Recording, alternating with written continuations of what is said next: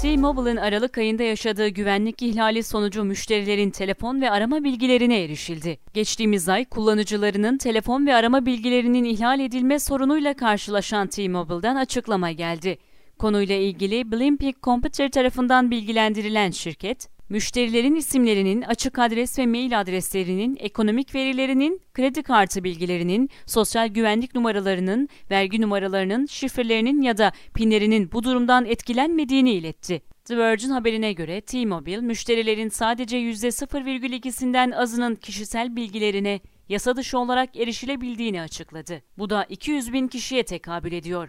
Bu erişilen bilgilerle ilgili telefon numaralarını, abone olunan hatların sayısını ve az sayıda durumda normal işlem ve hizmetin bir parçası olarak toplanan bazı aramalarla ilgili bilgileri içerebilir. Açıklamasında bulunuldu. Aralık ayının başında bu saldırıyı tespit eden T-Mobile, olayı hızla kapattığını söyledi.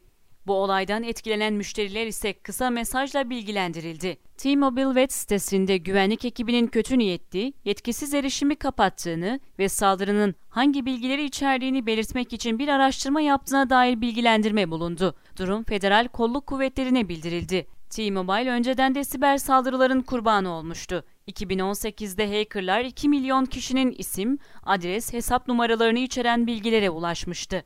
2019'da ön ödemeli müşterilerden bazılarının isim, adres, hesap numarası bilgisine erişilmişti. Geçtiğimiz Mart ayında ise siber korsanlar T-Mobile'in bazı müşterilerin finansal bilgilerine, sosyal güvenlik numaralarına ve diğer hesap numaralarına erişip bu bilgileri yayınlamıştı.